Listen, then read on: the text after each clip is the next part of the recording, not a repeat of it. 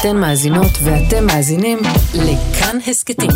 כאן הסכתים, הפודקאסטים של תאגיד השידור הישראלי.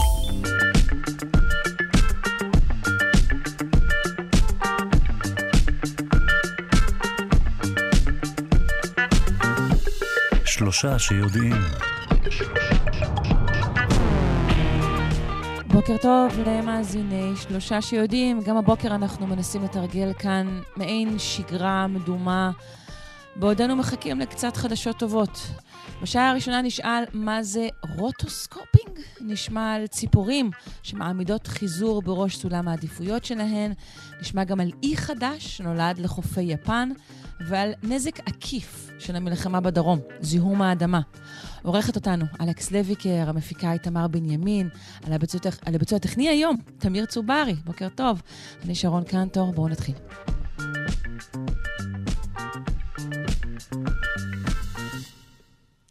לפני אה, 90 שנה הוקרן סרט האנימציה הראשון של, אה, שלגיה, לא זה שאתם מכירים, אלא אחד אחר. זה היה בכיכובה של אה, בטי בופ ובדימויים של האחים פליישר. בסרט זה נעשה שימוש בטכנולוגיית rotoscoping. אבל מה זה בדיוק rotoscoping? נפנה ליהונתן ברקהיים, הוא פיזיקאי במכון דוידסון לחינוך מדעי. שלום. שלום, בוקר טוב שרון, בוקר טוב מאזינים. בוקר אור. אז מה זה rotoscoping? אז אה, האמת שככה, כאילו, לתת קצת הקדמה, איך בכלל הגענו לשיטה הזאת, אז אה, נדבר שנייה על איך הגענו לאנימציה. אז אדם כבר שנים רבות, אפשר להגיד אלפי שנים, מנסה לייצר אשליות של תנועה. יש לנו אפילו דוגמה מפרס של צלחת חרס שהיו מצוירים עליה ציורים, ופשוט ניסו לייצר אשליה של תנועה. אחר כך גם הסינים ניסו לייצר עוד איזה... רגע, איך אנחנו יודעים שניסו לייצר אשליה של תנועה? אנחנו יודעים שהם סובבו אותה נגיד, או... אז כן, פשוט רואים את התמונות מצוירות על ההיקף של הצלחת, ואז אומרים, וואו, אם היו מסובבים את זה, אז באמת רואים איזושהי, mm. איזושהי תנועה, כמו שהיינו מציירים okay. אוקיי. במחברת שהיינו ילדים. כן. ואחר כך ניסו עוד ועוד ניסיונות, גם הסינים ניסו לייצר איזה פנס קסם, ובעצם הקפיצה הגדולה התחילה במאה ה-19, כמובן כשהתחיל נושא הצילום, שכבר קיים בערך 200 שנה. אמ, והיה חלוץ צילום בשם מייברידג', בריטי, שהוא ניסה להשיב על שאלה די עתיקה. האם יש, אם אני לוקח סוס דוהר, האם יש רגע שבו הוא מניף את כל ארבע רגליו באוויר? וכדי לענות על זה צריך לצלם אותו ב-frame rate שהוא דומה לקצב התנועה של הסוס. אז הוא באמת צילם אותו נורא נורא מהר, וראה בפריימים שאכן יש רגע כזה. אה, והמכשיר הזה קראו לו אה, זואופרקסיסקופ. אמ, ובכל אופן, הרעיון הזה של לצלם בקצב התנועה, משהו שחוזר במדע הרבה, גם היום בפיזיקה מודרנית. ולקראת סוף המאה התחילו באמת לצוץ סרטי אנימציה ראשונים. רגע, רגע, אני חייבת לעצור אותך.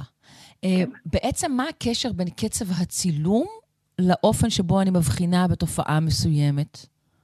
אז זה, זה, פש... זה איזשהו עיקרון, עיקרון פיזיקלי שאומר שאם אני רוצה לדגום מערכת, אני, לא, לא ייתכן שאני אקח קצב אה, צילומים שהוא יותר נמוך מהקצב של מה שאני מצלם, כי פשוט אני, ייתכן שאני אפספס חלקים מהתנועה, ואני אקבל אשליה של דברים שהם לא באמת נכונים ולא קורים.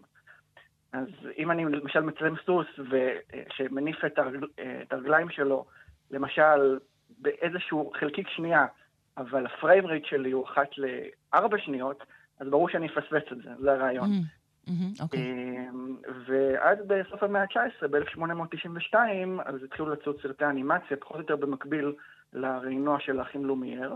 הבעיה עם הסרטי אנימציה היו, היו למעשה שתי בעיות מרכזיות, אחת שהשמע היה בלתי סינכרוני, לא היה ערוץ שמע, והדבר השני הוא שהתנועה של הדמויות הייתה מאוד כבדה ושבורה, מגושמת כזאת. ואז אנחנו מגיעים לעשור השני של המאה ה-20, באזור 1917, ושני אחים יהודים אמריקאים, דייב ומקס פליישר, כמו שציינת באמת, אגב, ממוצא אה, פולני, ההורים שלהם, אפילו הם בעצמם היו על ידי קרקוב, הם ניסו לתת איזשהו מענה פשוט לבעיה. ומה היה המענה?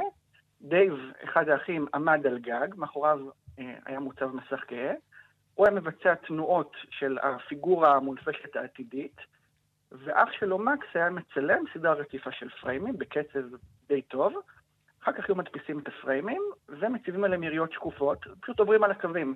וככה היה ניתן בעצם לקבל איזושהי אשליית תנועה הרבה הרבה יותר חלקה. מממ. אז הרעיון הזה נקרא rotoscoping, זה באמת מה שהזכרת. שזו בעצם שבא... אנימציה שעושה שימוש בצילום של ממש כדי לשכלל את התנועה שלה? נכון מאוד, נכון מאוד, ובאמת ראו שחלקות התנועה, הביומכניקה, היא הרבה הרבה יותר חלקה, פחות שבורה, פחות מגושמת.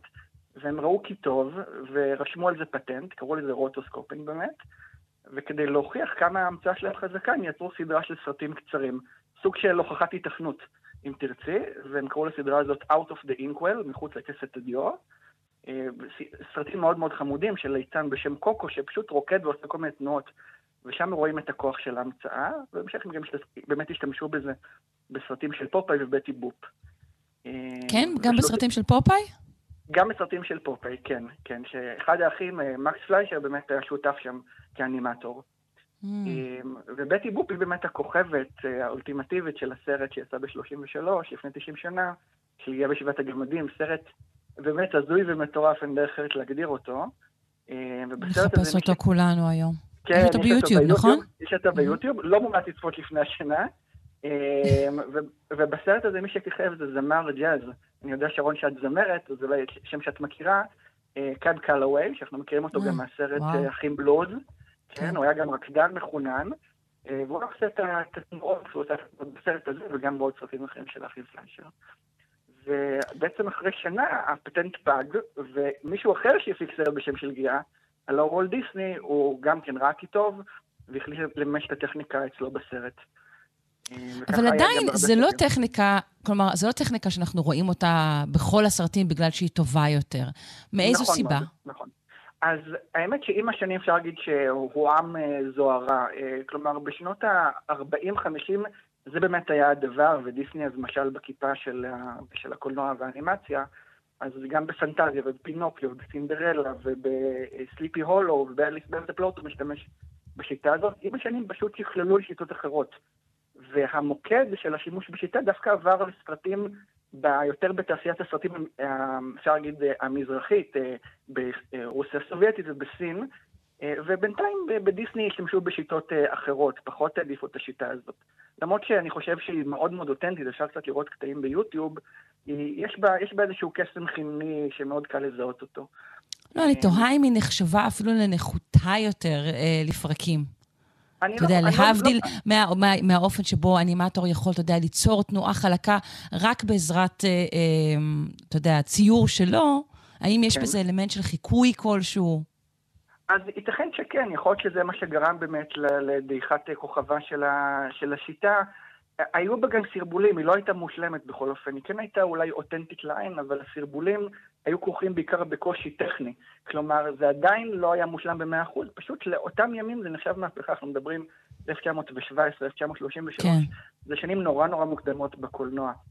כן, בני הדור שלי בכלל, אה, אני חושבת שאנחנו מכירים את, ה, את השיטה הזו בראש ובראשונה מהקליפ של A-ha. נכון, נכון, בדיוק, מ-Take on me, בהחלט, וגם אגב בעוד קליפים, גם ב-Money for Nothing של Dire Straits, וקליפ מממ. יותר חדש, Heartless של קניה ווסט. כן. אמ, וזה מופיע גם, אגב, בסרטים יותר מודרניים משנות ה-80. כן, ב-Scanner Darkly, בסורק אפלה, אני חושבת שהוא אחד הידועים. אה, וגם ב-Framed Roger Rabbit, וגם בסרט נכון. יחסית חדש, אה, לאהוב את וינסנט, שיצא לפני חמש-שש שנים, אפילו גם בקטע של Yellow אה, Submarine. אמ, ובאמת, ועם השנים זה כבר הפך להיות סוג של, אפשר להגיד, גימיק כדי לחקות את השיטות של פעם, אפשר נכון. להגיד, וזה באמת מה שרואים בקליפים. ולפני בערך 20 שנה, 25 שנה, זה איזשהו מתכנת אמריקאי שקראו לו סביסטון, אז הוא ניסה ממש לחקות את השיטה לא, בש... לא בצורה שאחים פליישר אה, עשו בתחילה, ממש בצורה ממוחשבת שתחקה את האפקטים האלה.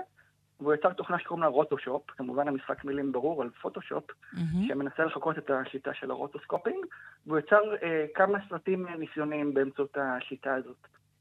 כאילו, אני מניחה שהיום מדובר בכפתור אחד שהופך משהו שנראה כמו צילום למשהו דמוי ציור, באמת כמו בפוטושופ. כן, כן, בהחלט כן. אני, אני לא אתפלא ש, שאפילו כבר יש, אה, אני פחות באינסטגרם וכאלה, אבל אני לא אתפלא שכבר היום קיימים פילטרים, אם לא באינסטגרם אז במקומות אחרים, שיכולים לעשות את זה באמת כהרף עין. אני מניח שגם עם AI יש לזה שימושים כאלה ואחרים. אז זו באמת שיטה נורא נורא חמודה, וככה שולחת אותנו לנבחי ההיסטוריה של האנימציה. יפה, אני מודה לך מאוד, יונתן ברקהיים, פיזיקאי ממכון דוידסון לחינוך מדעי, שיהיה יום טוב. תודה רבה, להתראות.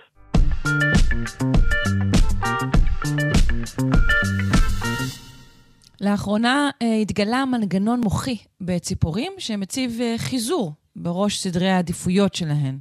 למה זה קורה? והאם מדובר רק בציפורים? נפנה לדוקטור רועי דור מהמחלקה למדעי הטבע באוניברסיטה הפתוחה. שלום. בוקר טוב. אה, לפני שנדבר על החיזור, אה, בואו נפתח קצת בעניין סדרי העדיפויות. למה הכוונה בדיוק? אה, הכוונה היא שלבעל חיים שהוא נמצא בטבע, יש לו כל מיני דברים שהוא יכול לעשות. הוא יכול לחפש מזון, לחפש אוכל, ללמוד להכיר את בית הגידול שלו, ללמוד איך הוא שר למשל, ו... או לחזר אחרי נקבה. אז הוא צריך להחליט מה הוא עושה באותו רגע, איזה דבר יותר חשוב לו לבצע באותו זמן נתון. הוא צריך להחליט. זאת אומרת, זה לא דבר שהוא נתון. נכון, בהחלט. יש לו את האפשרות לבצע את כל הדברים. למשל, אה, אם הוא רעב, אם הוא צמא, אם הוא רואה איזשהו אה, בת זוג פוטנציאלית, צריך להחליט מה הוא עושה באותו רגע, אם הוא הולך לחפש את המים או את המזון, או שהוא הולך לחזר אחרי הנקבה. אז הוא צריך כן. לקבל החלטה מה הוא רוצה לעשות. לא, אבל אני פשוט תוהה אם יש איזה באמת, טוב, בעצם על זה אנחנו מדברים, מנגנון שמורה לו, זוהי הבחירה הטובה ביותר להישרדותך כרגע, גם אם זה נראה אחרת. אז באמת, במה שבמחקר החדש שיצא עכשיו, הם הראו שיש בעצם מנגנונים מוחיים שמבוססים על, על דופמין, בעצם על אה, איזשהו אה, סיגנל שנותן חיזוק לפעילות מסוימת. והם אה, הראו שכאשר יש נקבה פוטנציאלית, אז הזכר שהיה צמא והתעניין בסיגנל שמורה לו איפה יש מים, או איך לשיר יותר טוב, מפסיק לקבל חיזוק על הדברים האלה, והוא מקבל חיזוק רק על התגובה של הנקבה אל השירה שלו. על איזה ציפור נעשה המחקר הזה ואיך בדיוק הוא נעשה? איך מדדו את זה? איך יודעים איזה סיגנל הוא קיבל? אז הציפור הוא זברה פינק, הוא ציפור מחקר אה, מאוד מאוד ידועה, ציפור חברתית ש, שחיה גם בקבוצות, ושם גם יש, כמו אצל הרבה ציפורי שיר, יש תהליך של למידה של, של השירה של הזכר. שהזכר שומע שיר אה, של זכר אחר בצעירותו, והוא כל פעם אה, שר ומנסה לחקות את הזכר הזה ולדייק את השירה שלו כמה שיותר, לשפר. אז יש לו מנגנון למידה שנמשך. ובעצם הם נתנו לזכרים או להיות אה, לבד ולא לשיר, או להיות אה, לבד ולשיר, או להיות עם נקבה כאשר הם לא שרים, או להיות עם נקבה בזמן שהם שרים לה ומחזרים אחריה. והם ראו שכשהם בעצם לא נמצאים עם הנקבה, אז אה, הם הולכים לשתות מים והם מתאמנים בשירה, אבל ברגע ששמים את הנקבה בכלוב איתם, אז כל הסיגנלים האחרים יורדים מאוד.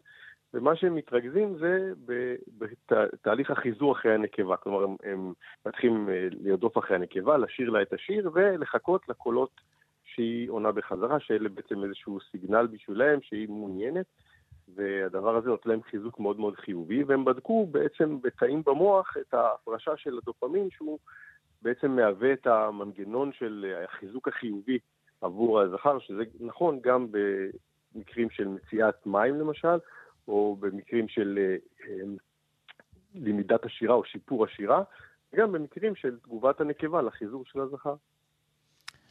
והאם זה נכון בהכרח, כאילו מה שהנחתי, שזה אומר שזוהי הבחירה הנכונה, אבולוציונית, להניח לכל שאר הדברים ולסור כעת למשימת החיזור? אה, זו שאלה טובה. אני, אני, ההנחה של החוקרים בדרך כלל שאם באמת זה המנגנון שקרה, אז מבחינה אבולוציונית יש לו יתרון מסוים. אנחנו יכולים לחשוב על זה ש... שאולי אה, הסיכוי למצוא אה, אה, מים, או, או, או בעצם לשיר לך ול, ולהתאמן בשירה, תמיד הוא קיים. לעומת זאת שיש נקבה פוטנציאלית, זה, זה משהו שהוא קורה בתדירות או בהסתברות יותר נמוכה, ולכן ברגע שהוא קורה, אה, יש, יש הגיוני, הגיוני שכל הסיגנלים האחרים יפחתו ואתה תתרכז בדבר הכי חשוב באותו הרגע, כי הוא דבר שקורה גם בהסתברות נמוכה וגם כי זו המטרה בסופו של דבר של הזכר. זהו, בדיוק. אם היינו משוררים ולא מדענים אולי, אז היינו אומרים, לא, זה בגלל שהכי חשוב זה הנקבה. נכון. מים ושירה הם רק בשביל אה, אה, החיזור או, או הנקבה. בהחלט, כן, בסופו טוב, של דבר. טוב, אה, שאלת אה, השאלות הגיעה. אה, עד כמה אנחנו יכולים להשליך אה, מציפור הזברה פינק אה, למינים אחרים, ואפילו אולי למין אחד מסוים שמעניין אותנו במיוחד?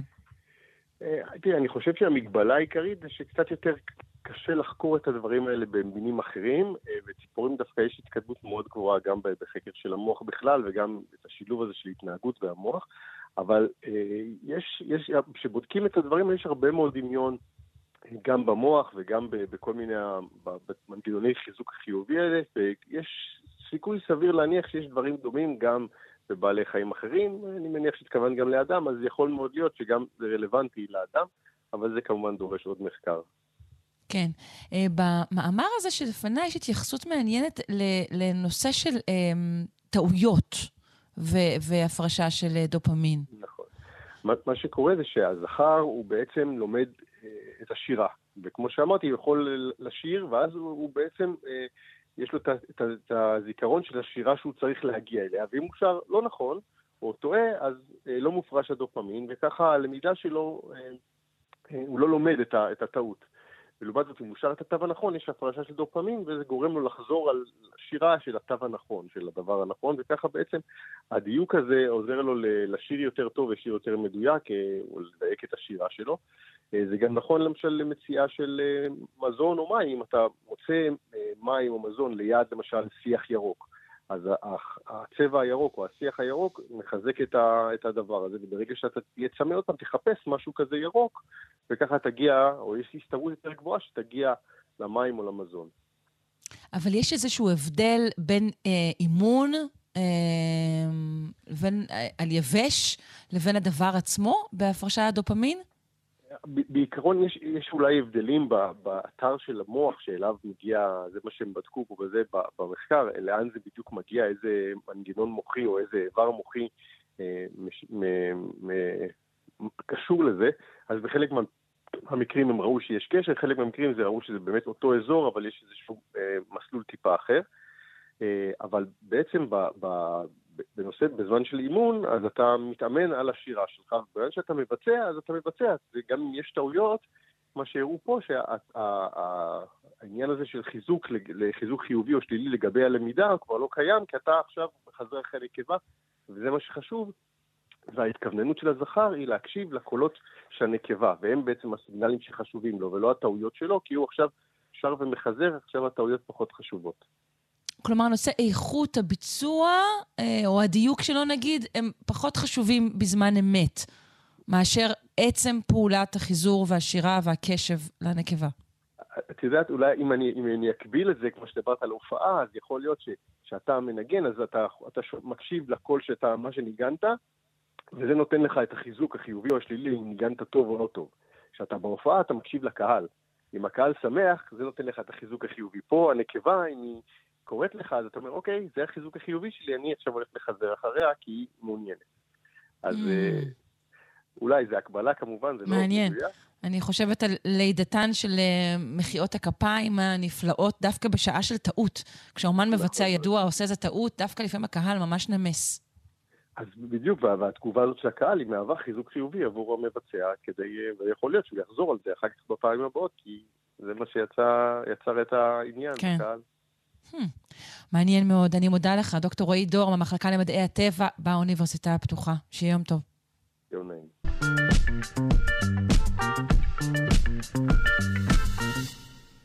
אנחנו מאחלים אה, מזל טוב ליפן, שכן אה, אי חדש נולד אה, מול חופיה. האי החדש מצטרף לאלפי האיים של יפן, שגילתה לאחרונה בעקבות ספירת מלאי, כי מספרם של האיים כפול מכפי ששערה מראש. איך נוצר האי הזה? והאם הוא יכול להיעלם, כי לעומת שבה נפנה לפרופסור ישי ויינשטיין, ראש התוכנית למדעי כדור הארץ והסביבה באוניברסיטת בר אילן. שלום. בוקר טוב. בוקר אור. Uh, ראשית, uh, בעוד אנחנו מתפעמים, מה גודלו של האי? אני מבין שכרגע זה באזור ה-100 מטר רוחבו, מעל פני הים כמובן. אה, אוקיי, מתחת הוא גדול הרבה יותר. אנחנו מדברים על אה, אי שנבנה על פלטפורמה מאוד רדודה. כלומר, זה מאוד תלוי במפלס הים. אם נלך עכשיו, נשאר קצת מים מהים, אז הוא, אז הוא יגדל. אוקיי, אבל הוא עדיין קטן מאוד. עד קטן מאוד. אוקיי, כיצד אה, נוצרים איים כאלו? תראי, באופן כללי איים אה, נוצרים, יכולים להיווצר מכמה סיבות. כולל באמת שינויים במפלס הים בעבר, אולי בעתיד, אבל uh, בעיקרון רוב האיים uh, המדוברים זה איים שנוצרים בהתפרצויות וולקניות, בסביבות וולקניות, כמו הסביבה הזאת, שעשירה מאוד באיים וולקניים. למרות שהיא רחוקה מאוד מיפן, זה שייך ליפן, אבל זה יותר מאלף קילומטר דרום על האיים הגדולים של יפן, כן. אוקיי. Mm, okay. אה, אתה יכול לתאר לי התהליך הוולקני שבאמצעותו בעצם אה, נוצר אי כזה? אנחנו מדברים קודם כל על אותה, אותו אזור שבגדול מאוד נקרא טבעת האש, כולם מכירים את המושג הזה, שרשרת הפי, הפעילות הוולקנית שמקיפה את האוקיינוס השקט מרוב עבריו. באזור המערבי, וה, לא, הצפוני, המערבי והדרום-מערבי של האוקיינוס השקט, יש מה שאנחנו קוראים קשתות איים, כשהמושג הוא לא תמיד מדויק, כלומר זה לא תמיד איים, לעיתים זה הרים תת-ימיים, מה שנקרא באנגלית sea mounts, אבל כולם נוצרים באותה צורה, וזה מאוד תלוי מאיזה גובה הם מתרוממים וכמה חומר יוצא. מדובר בפעילות וולקנית שקשורה אה, ליצירה כמובן בעומק של מגמה, של חומר מותח. הסיבה ליצירה דווקא באזורים האלה של חומר מותח היא ש... קרקעית, במקרה הזה של האוקיינוס השקט, אה, יורדת אל מעמקי כדור הארץ, מעמקים לא למרכז כדור הארץ, אבל לעומק של עשרות, מאה קילומטר, שם משתחררים ממנה נוזלים, והתוצאה של השחרור של הנוזלים הוא שסלעים מותחים, כי טמפרטורת ההתכה של הסלעים בעומק יורדת במאות מעלות ברגע שיש נוזלים, אנחנו קוראים בגדול לכל הסיפור הזה wet melting, התכה רטובה, וכתוצאה מזה, גם במזרח, גם בצפון, גם במערב ודרום מערב של האוקיינוס שקט, אה, כל הזמן קורות התפרצויות, בין אם על פני היבשה ובין אם כמו במקרה הזה, אה, מתחת למי הים, למרות שעוד פעם, זו סביבה מאוד רדודה, זה לא אי שמתחיל לצמוח מעומק של אלפיים מטר. למעשה מדובר אה, בהר גדול יחסית, בקוטר של עשרות קילומטרים, שהצ'ופצ'יק שלו זה האי הגדול שליד המקום הזה שנקרא איבוג'ימה, אותו אי קטן אבל מאוד מפורסם מסוף מלחמת העולם השנייה עם הנפת הדגל של המרינס, כן? אז זה רק כן. הצ'ופצ'יק של הר, זה הר ברוחב של איזה 40 קילומטר, אם מוציאים את הים ומסתכלים על המורפולוגיה. ובאיזה אופן אה, איים כאלו בעצם יכולים להיעלם, מעבר לעליית פני הים, מן הסתם? אמ, הבעיה באיים האלה בעיקר היא שבדרך כלל הם מורכבים מחומר מאוד uh, פריך. זאת אומרת, זה חומר שנזרק לאוויר, רסיסים, uh, במקרה, ומדובר בחומר, החומר עצמו זה כמו משהו, זה תלוי מתי, אבל זה משהו בין חולות לבין ערימת אבנים. אז זה מאוד mm. זמין לבליה, במקרה הזה מה שנקרא אברזיה, זאת אומרת בליה של uh, מי ים, לא נחלים וכדומה. ומספיק כמה גלים וכדומה כדי להוריד את זה. עכשיו השאלה, אם ייווצר שם חומר קשיח יותר, לדוגמה, זרמי לבה. אה, אם יהיו זרמי לבה, מה שכרגע לא נראה שקורה שם, הם יכולים להגן על החומר היותר פריך. אם לא, סיכוי סביר, יש פה כמה תסריטים. אחד, שהאי הזה באמת אה, ייעלם אה, עד שבעוד כמה שנים עוד פעם ייווצר, בסך הכל זה לא דבר נדיר. זה נחמד, אבל הוא נדיר. יכול להיווצר עוד פעם באותו מקום או לידו. סיכוי אחר שהוא ילך, יישאר בתור אי קטן אה, לאורך שנים, וסיכוי שלישי שהוא אפילו יגדל, הוא בסך הכל קילומטר מהיבשה. אם ההתפרצות הזאת תהיה גדולה מאוד, זה אפילו יכול להתחבר לקצה הדרומי של האי הגדול יותר שלידו, איבו ג'ימה. Mm-hmm. Uh, לאחרונה יפן, כמו שציינו, uh, ערכה איזו ספירת מלאי uh, של איים, וגילתה שמספרם בערך כפול מהמספר המשוער. זה נשמע כמעט מופרך. כן, אבל אני, אני באמת לא, לא יודע. הרבה דברים מתגלים uh, בעבודה שיטתית יותר. חוץ מזה, כפי שאת כבר מבינה, uh, חלק מהאיים זה דברים קטנטנים. כן. אי של 100 זו... מטר, יום אחד אה, יכול, אה, אה, מישהו יסתכל עליו ברצינות, יום שני לא. דרך אגב, איים כן נוצרים במקומות אחרים בעולם, גם לא רק וולקנים, אה, על ידי אה, סחף וכדומה, שמגיע, יוצר איזה סרטון והופך להיות אי. אני לא חושב שזה הסיפור פה. הסיפור פה הוא פשוט של עבודה, מישהו החליט לעשות עבודה שיטתית. כן. אה, לא תחום המומחיות שלי, הנושא הזה. כן, זה גם נשמע מעט קוריוזי. רק נספר אה, למאזינים שהמספר הנקוב שלהם לפני הבדיקה הזו היה אה, כמעט 7,000 איים, כן. אך למעשה הבדיקה הזו הראתה שיש יותר מ-14,000 איים. כן, רק אה, צריך להגיד עוד פעם, יש את יפן שכולנו מכירים, ויש את האזור כן. הזה שאנחנו נמצאים שהוא בעצם האזור של מיקרונזיה. זאת אומרת, Mm, יש שם מלא אוקיי. מלא איים קטנים, שחלק לא קטן מהם, כולל כאלה שנוצרים בעשרות השנים האחרונות, אה, לא רק באיבוג'ימה, יותר צפונה, קצת יותר דרומה, חלק מהם אה, שייכים או מוכרזים כשייכים ליפן. זאת אומרת, מחר יכול להיווצר עוד אי, ויפן תגיד, אם הוא באזור שהוא תחת... אה, אמור להיות טריטוריה שלנו, הנה, אז השתנה עוד פעם המספר. זה... כן, זו תפיסה מעט אה, קוריוזית, אני מבינה. אה, בסדר גמור, מעניין, אני מודה לך, אה, פרופסור ישי ויינשטיין, ראש התוכנית למדעי כדור הארץ והסביבה באוניברסיטת בר אילן. להתראות. תודה לך, בוקר טוב, המשך יום בוקר טוב.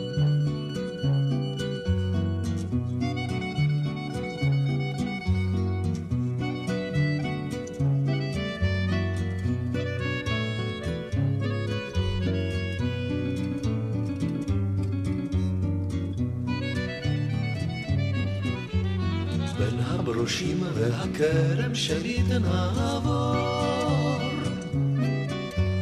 בין הערביים שוטפות סנוניות את העמק. ערב יפה וחמים שט על גגות ותלמים אנו כמו כל החולמים החולמים אחר אחר בין הברושים והכרם שלי תנעבור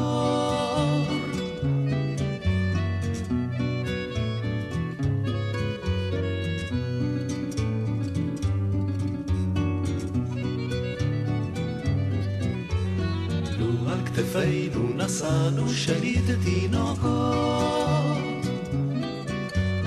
לו רק יצאנו שנית לחרוש ולזרוע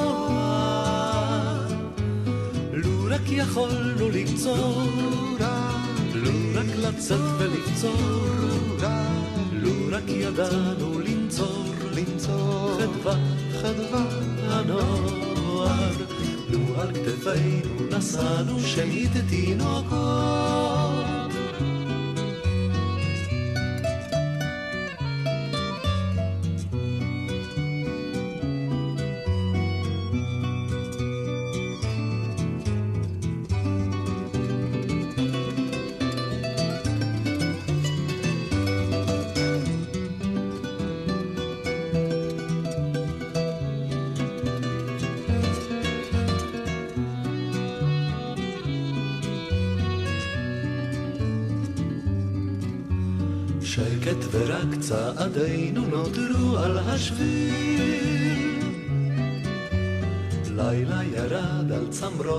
הברושים ועלינו.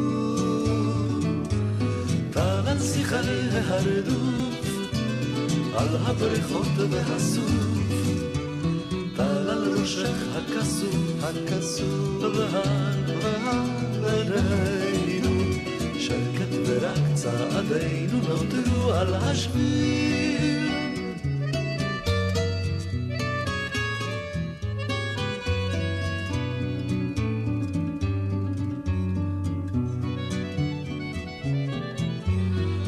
הברושים והכרם שנית נעבור בין הערביים שוטפות צנוניות את העמק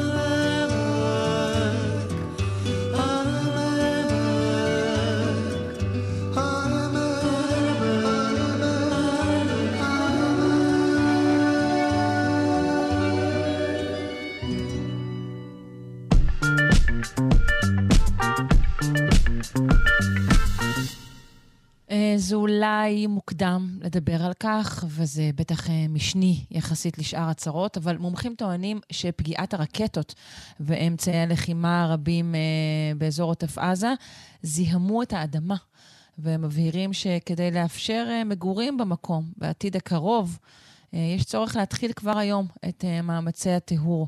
נפנה לדוקטור עדי לוי, ראש התוכנית לתואר שני בקיימות המרחב העירוני והכפרי, המכללה האקדמית אחווה, וחבר הוועד המנהל באגודה הישראלית לאקולוגיה ולמדעי הסביבה. שלום. שלום, בוקר טוב. אה, אז קודם כל ספר לנו על, ה, על הזיהומים הללו, ממה הם נובעים? הזיהום בעצם אה, אה, נובע ממגוון רחב של תהליכים שהתרחשו באזורים שבהם הייתה לחימה. זה יכול, זה יכול להתחיל מבעצם פיצוץ של חומרי נפץ, אם זה נפילה של רקטות, פיצוץ של רימונים, ירי, כל, ה, כל מה שקשור ללחימה בעצם מייצר, מייצר זיהום. איזה סוג של זיהום? על אילו חומרים אנחנו מדברים? אז זה יכול להיות כל מיני כימיקלים, זה יכול להיות מתכות, עופרת שיש בקליעים, באבק שרפה. זה מגוון, מגוון מאוד גדול של מזהמים. עכשיו, זה מאוד מאוד תלוי על איפה מדובר, כן? ועל מה הייתה רמת האינטנסיביות ש, שאותו מקום נפגע. ו, וזה משהו שצריך באמת לשים לב אליו ולבדוק אותו במהלך תהליך השיקום ולפני החזרת תושבים. על מנת לוודא שאותם מקומות הם מתאימים להחזיר אליהם תושבים. אוקיי, אז איך בעצם עושים ניקוי כזה של האדמה?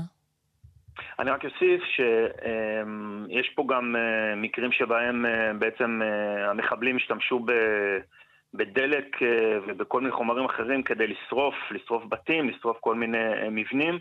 וגם זה כמובן מייצר הרבה מאוד מזהמים נוספים באזור. כן. ו- ואגב, המזהמים הם כמובן לא רק לאדמה עצמה, אלא יכולים לחדור גם אל המים, נכון? נכון, אז ברגע שיש לנו קרקע מזוהמת, מתכות כבדות, אם זה עופרת, אם זה טונגסטן, אם זה נחושת, גם כל המכוניות שנשרפו במקומות שונים, רכבים, שילובים של פלסטיק ומתכות, אה, ברגע שכל הסיפור הזה נוגע בקרקע ומתחיל לחלחל לקרקע, וגם כמובן אם אה, יורד עוד גשם והמים ממיסים חלק מהחומרים ויכולים לחלחל למי התהום, אז בעצם אנחנו עלולים לקבל אה, זיהום שהוא לא רק בפני הקרקע, אלא גם יכול להיות בעומק הקרקע, ושוב, זה תלוי בריכוזים, זה תלוי באופי של המקום, זה תלוי מה קרה בו בדיוק, אבל זה יכול גם להוביל לזיהום מי תהום. אה, שאז זה כבר אה, סיפור קצת יותר מורכב לטפל בו. הייתה גם פגיעה במפעלים, אה, נכון? לא פגיעה נרחבת, אבל כן הייתה, בטח גם זה יצר זיהום מסוים. אז כן, אז מדובר למשל על המפעל של נרלט, של הצבע ש... שנפגע, נשרף, אז פגיעה במפעלים או במתחמים שיש בהם ריכוזים גדולים מאוד של כימיקלים, כימיקלים מסוכנים. מסוגים שונים, אה, גם כמובן יכולה להוביל אה, לדליפה לסביבה הקרובה, לאוויר כמובן בזמן שריפה וגם אחרי, ולקרקע שמסביב לאותו אזור, גם מאמצי הכיבוי מייצרים אה, בדרך כלל שימוש במעכבי בעירה ובהרבה מאוד מים, ובעצם החומרים האלה יכולים לזלוג לסביבת אותו אזור שנפגע. אז, תגיד, uh, בעצם uh, לפני שאנחנו מדברים רגע על, ה, על הניקוי, אני חושבת על, על, על חיילים שנמצאים שם uh, תדיר, גם בשוטף, הם בעצם ניזוקים כל הזמן? אנחנו לא רוצים uh, לייצר עוד בהלה והפחדה, אבל uh, בגדול גם בסיסים שהראו בהם שריפות משמעותיות או לחימה מאוד מאוד עזה, צריך אה, אה, לבצע בדיקה ולראות מה ריכוז המזהמים שנשאר שם ולטפל בזה. ויש לא מעט דברים שאפשר לעשות. דרך אגב, עוד מזהם מאוד משמעותי, שלא נגענו בו עוד, במבנים ישנים בישראל השתמשו בהרבה מאוד אסבסט, גגות. אסבסט וצינורות. והאסבסט הוא חומר אה, מאוד עמיד, אבל ברגע שהוא נפגע מרקטה או מפיצוץ והוא מתחיל להתפורר, אה, אז אסבסט הוא אה, הופך להיות מסרטן ודאי. בעצם חומר ששאיפה שלו נקשרה באופן ודאי לסרטן ריאות. עדי, הרגע אמרת שאתה לא רוצה להלחיץ, אז נראה לי... כן, אז... משהו בצמד המילים מסרטן ודאי, אתה יודע. אסבסט, כן. אז כל כן. מקום שבו היו גגות אסבסט צריך לעבור טיפול צמוד של המשרד להגנת הסביבה. לבצע פינוי ואיסוף של כל שאריות האסבסט מאותו מקום. וטיהור עד כמה שאפשר. אבל איך עושים את טיהור של אדמה מכל החומרים שתיארת? איך דבר כזה יכול להתבצע בכלל? אוקיי, אז יש הרבה מאוד שיטות כדי לטפל בזיהום קרקע. מה שצריך לעשות בגדול במצב כזה, כמו שיש לנו כרגע בחלק מהיישובים, שוב, זה לא בכל היישובים וזה לא בכל הבסיסים, זה באזורים מאוד ספציפיים שנפגעו מאוד קשה. זה קודם כל, המשרד להגנת הסביבה צריך להתגייס לנושא הזה, לפרסם מכרזים מיועצי קרקע, לעשות התקשרויות ולבצע סקר מקדים בשטח, לשים את כל הממצאים שיש, איפה יש זיהום של דלק, איפה יש אסבסט, איפה יש מתכות כבדות, לשים את זה על מפה ולהתחיל לטפל באופן נקודתי בכל אחד מהמפגעים האלה, אם זה רק על פני השטח, אם זה חדר גם לעומק הקרקע. צריך לעשות דיגומים של קרקע, דיגומים של, יש קידוחים של מי תהום של מקורות ושל קידוחים קיימים, דרכם אפשר לראות אם יש איזשהו זיהום. וכמובן לשלוח מבצעים למעבדות, לנסות לחפש שאריות של חומרי הדברה, של פטלטים, חומרים שהם תוצר של התפרקות של פלסטיק מסוגים שונים, אסבסט, מתכות כבדות, כל הנושא הזה בעצם צריך למפות, לנטר ולראות עד איזה עומק הזיהום הזה מגיע, ובהתאם לחדירה של הזיהום לקרקע אפשר בעצם לטפל. ואפשר לטפל, כן? אפשר לטפל. השלב הבא בעצם זה שיקום וטיפול של אותן קרקעות מזוהמות. הדבר הכי טריוויאלי זה פשוט, זה פשוט לחפור ולהוריד את שכבת הקרקע העליונה המזוהמת. אם זה סנטימטרים, אם זה קצת יותר, ולקחת אותה למקום שבו מטפלים בה והופכים אותה בחזרה לקרקע שהיא בטוחה אחר, לאחר פירוק החומרים. כלומר, מפנים את הקרקע מהאזור, מנקים אותה ואז מחזירים אותה? זאת, לא תמיד מחזירים, אבל זאת אפשרות אחת. בעצם יש לנו סוגים שונים, זה, עוד פעם, זה תלוי מאוד איזה זיהום, אם זה, אם זה נפט, אם זה מתכות כבדות, אם זה חומרים אורגניים נדיפים שיוצאים, למשל כל המקומות שהיו בהם מפעלים של תעש ישנים, יש שם בקרקע זיהומים שנשארו, כל מיני חומרים אורגניים נדיפים ש, שיוצאים מהקרקע ממי התהום, אז יש דרך לטפל בכל אחד מהמזהמים או מהמצבי הזיהום האלה. יש טיפולים שהם פיזיקליים, יש טיפולים שהם כימיים, בעצם שיכולים או לקבע את הזיהום בקרקע באופן שהוא לא ישתחרר, או לפרק אותו, ויש גם טיפולים ביולוגיים, אם זה באמצעות חיידקים, שמרים, פטריות, וחלקם תהליכים עם חמצן, תהליכים אירוביים, חלקם תהליכים אנאירוביים. יש, יכול לעשות שימוש בצמחייה על מנת שהצמחייה תייצר מצע לגידול חיידקים שמפרקים חומרים, או צמחייה שממש סופחת אליה מזהמים אורגניים שנמצאים בקרקע. יש הרבה מאוד שיטות ואפשרויות, ויש גם לא מעט גורמים שעוסקים בזה. בטיהור של קרקעות מזוהמות, שוב, בסוגי מזהמים שונים. זה לא אומר שכל הקרקע, או ש, שזה, שזה משהו שצריך לעשות בכל מקום, צריך פשוט למפות במיוחד את האזורים שנפגעו בצורה הקשה ביותר, אותם יישובים שבהם המחבלים גרמו את הנזק הגדול ביותר ונשרפו מבנים ו... והייתה שם כן. לחימה מאוד מאוד עזה. כן. למפות את אותם אזורים, להבין מה יש שם, אם יש שם, ולהבין גם איך, מהם השיטות שצריך כדי לטפל ולתאר את המקום, כדי שגם הקרקע וגם אולי מי תהום לא ייפגעו, ויהיה אפשר לחזור לחיות שם בצורה בטוחה. נאמר ש... סליחה, שהמשרד להגנת הסביבה מוסר שהוא פועל באופן שוטף למיפוי המפגעים מהלחימה ועובד בתיאום עם כלל הגורמים, ושיש המלצה קיימת למי שמסתובב כרגע בעוטף, כמובן זה לא נוגע לחיילים, אבל בכלל אולי אפילו להסתובב עם מסכה כזו, כמו מסכה בקורונה. יש אפילו מדובר, אה, המלצה לא כזו. נוספות, אבל מדובר באמת כן. על אה, אותם מבנים ממש שנשרפו, ואותם כן. בסמוך לאותם, אה, לא מדובר על העוטף בכלל, כן, אלא ממש לא, על אותן אוקיי. נקודות שממש נפגעו בצורה מאוד מאוד קשה. אוקיי. כדי לא, לא להיחשף למזהמים שלא ברור מה הם כרגע. תודה על ההבהרה. הכתבה על הנושא הזה פורסמה על ידי זווית, סוכנות הידיעות למדע וסביבה. נודה לך, דוקטור עדי לוי, ראש התוכנית לתואר שני בקיימות המרחב העירוני והכפרי במכללה האקדמית אחווה וחבר הוועד המנהל באגודה הישראלית לאקולוגיה ולמדעי הסביבה. תודה. תודה ולהתראות.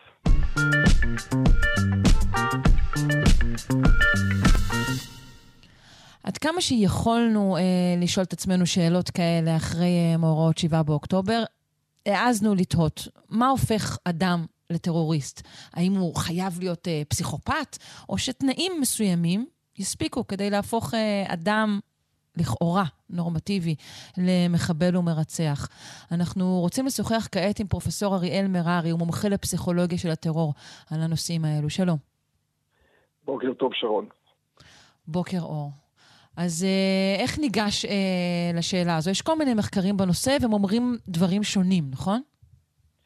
כן, נכון. יש דברים שונים. אה, יש אי הסכמה בין אה, חוקרי טרור לגבי השאלה האם כל אדם יכול להפוך לטרוריסט בתנאים מסוימים, או שצריך שיהיו לאדם תכונות אופי מסוימות, תכונות אישיות מסוימות, או מצב נפשי, פתולוגי נאמר, כדי להפך לטרוריסט. כן, כי בהקשר הזה אנחנו נשענים, אנחנו יודעים את המצב, למשל, ברצועת עזה, אך לא כולם ניגשו למעשה הרצח האיומים האלו, נכון? אז מה, מה הופך אנשים מסוימים לכאלו? בדיוק כך. אמ, אני חושב שדי ברור יהיה, אה, אם נסתכל בשאלה של אה, מדוע אנשים מסוימים בחברה הפלסטינית, נאמר, שאיתה אנחנו עכשיו אה, ביחסי איבה אה, בתנאים כאלה או אחרים. מדוע אנשים מסוימים ולא כל האוכלוסייה הופכת לטרוריסטים. אפשר לשער לפי אה, השערה, אני חושב, מאוד מבוססת, בהתבסס על סקרי דעת קהל פלסטינים מאמינים, שרוב עצום של האוכלוסייה הפלסטינית בין אם זה בגדה ובין אם זה ברצועה, עוין את ישראל מאוד. אה, ויש, אה, נאמר, בסקרים אחרונים מלפני אה, חודשיים או משהו כזה, מספטמבר, מראים שכ-50 אחוז, או למעלה מ-50 אחוז קצת, באוכלוסיית יהודה ושומרון הפלסטינית, תומכים בפתיחת אינתיפאדה חדשה. אז זה אומר שיש הרבה מאוד הרבה מאוד uh, מבין האוכלוסייה הפלסטינית, כמעט כולם אפשר לומר, שהם עוינים את ישראל. מצד שני, רק מעטים יחסית, אלפים נאמר, או אם נסתכל על uh, רצועת עזה, אז uh, עשרות אלפים הופכים לטרוריסטים בפועל, כלומר, הולכים להילחם באופן פעיל ומוכנים לרצוח במו, במו ידיהם. לכן אני חושב שאפשר מכך להסיק שלא מספיקה העמדה התיאורטית אה, של שנאה לאויב, לגורם מסוים, כדי להפוך את האדם לטרוריסט פעיל. אבל כאן יש שאלת המשך, האם, זהו, השאלה אם מדובר בתכונות אופי, תכונות פסיכולוגיות, או בהינתן כל מיני תנאים שנקרא להם אה, אה, חברתיים, או של נסיבות. מיהו שגויס בשלב כזה או אחר, דברים כאלו. כן, זה גם וגם. אני חושב, ממחקרים שעשינו בארץ, אה, אה, בין היתר מחקר אה, שנערך לפני כשנתיים, יחד עם פרופסור בועז גנור, ב, ב, היום הנשיא של אוניברסיטת רייכמן, וקבוצה גדולה של חוקרים, פסיכולוגים וערביסטים, במחקר הזה נבדקו פסיכולוגית אה, וגם אה, נחקרו על ידי, אה, סוציולוגית אפשר לומר, על ידי חוקרים מאוד מיומנים, קבוצה די גדולה של מחבלים, מחבלים בודדים, מפגעים בודדים. מה שנמצא הוא שלחלק גדול יחסית מהם, כשני שליש, היו גורמים פסיכופתולוגיים שסייעו בהפיכתם, סייעו בגרימה להם לצאת לפעולת טרור. חלק מהם היו אובדניים. זאת אומרת, אתה מדבר בדיוק על מה, ש, על מה שמכונה מחבלים מתאבדים, ש... נכון? מחבלים, אלה לא היו במפורש, במוצהר מפגעים, מחבלים בוד, מתאבדים. מפני שהם לא יצאו באמירה של אני הולך למות, לפחות אה, פומבית, חלקם כן אולי, אבל לא, לא, זאת, זאת לא הייתה הגדרה שלהם. עשינו גם מחקר בשנים קודמות, בתקופת האינתיפאדה השנייה, על כאלה שהיו מפגעים מתאבדים במוצהר, כלומר נשלחו על ידי ארגונים, לא היו מפגעים, מפגעים בודדים, אלא נשלחו על ידי ארגונים לבצע פיגועי התאבדות. עם מטענים, מטעני חבלה כמו שאנחנו מכירים אותם, אה, להתאבד על אוטובוסים או בבתי קפה וכולי. אה, גם במחקר הזה אה, נמצא שהיה גם משתנה אישיותי מכריע בנכונות שלהם להתגייס לפיגוע התאבדות, למרות שהם היו שונים בדברים מסוימים, שונים מהמפגעים הבודדים שבדקנו מאוחר יותר. משתנה אישיותי, קרי למשל נטייה לאובדנות? כן, נטייה לאובדנות היא אה, משתנה חשוב מאוד אה, בנכונות להציע לפיגוע שבו אה, או שאתה מצהיר במפורש שאתה הולך להתאבד, או שאתה יוצא לפיגוע בידיעה שהסיכוי למותך בפיגוע הוא גבוה מאוד. אובדנות, נטייה אובדנית היא אה, משתנה חשוב מאוד. בערך 50 אחוז מאלה שיוצאים לפיגועים שבהם אה, לפי דעתם הסיכוי שלהם להיהרג הוא גבוה מאוד, עד ודאי, אה, בערך 50 אחוז הם באמת אובדניים. אבל יש עוד מניעים כמובן, ישנם ה-50 אחוז האחרים, וישנה גם אינטראקציה בין המניעים האובדניים לבין מניעים אידיאולוגיים, נאמר, או חברתיים.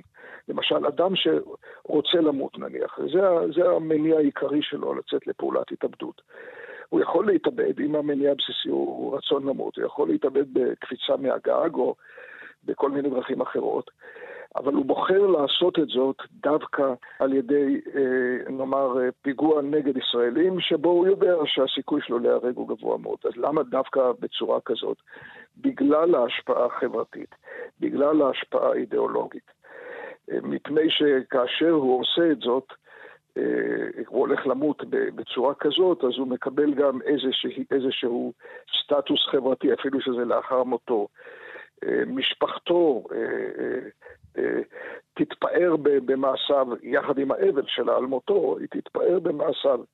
אז אלה, זה מניעים, מניעים אה, שונים אה, שפועלים באותו כיוון במקרה כזה.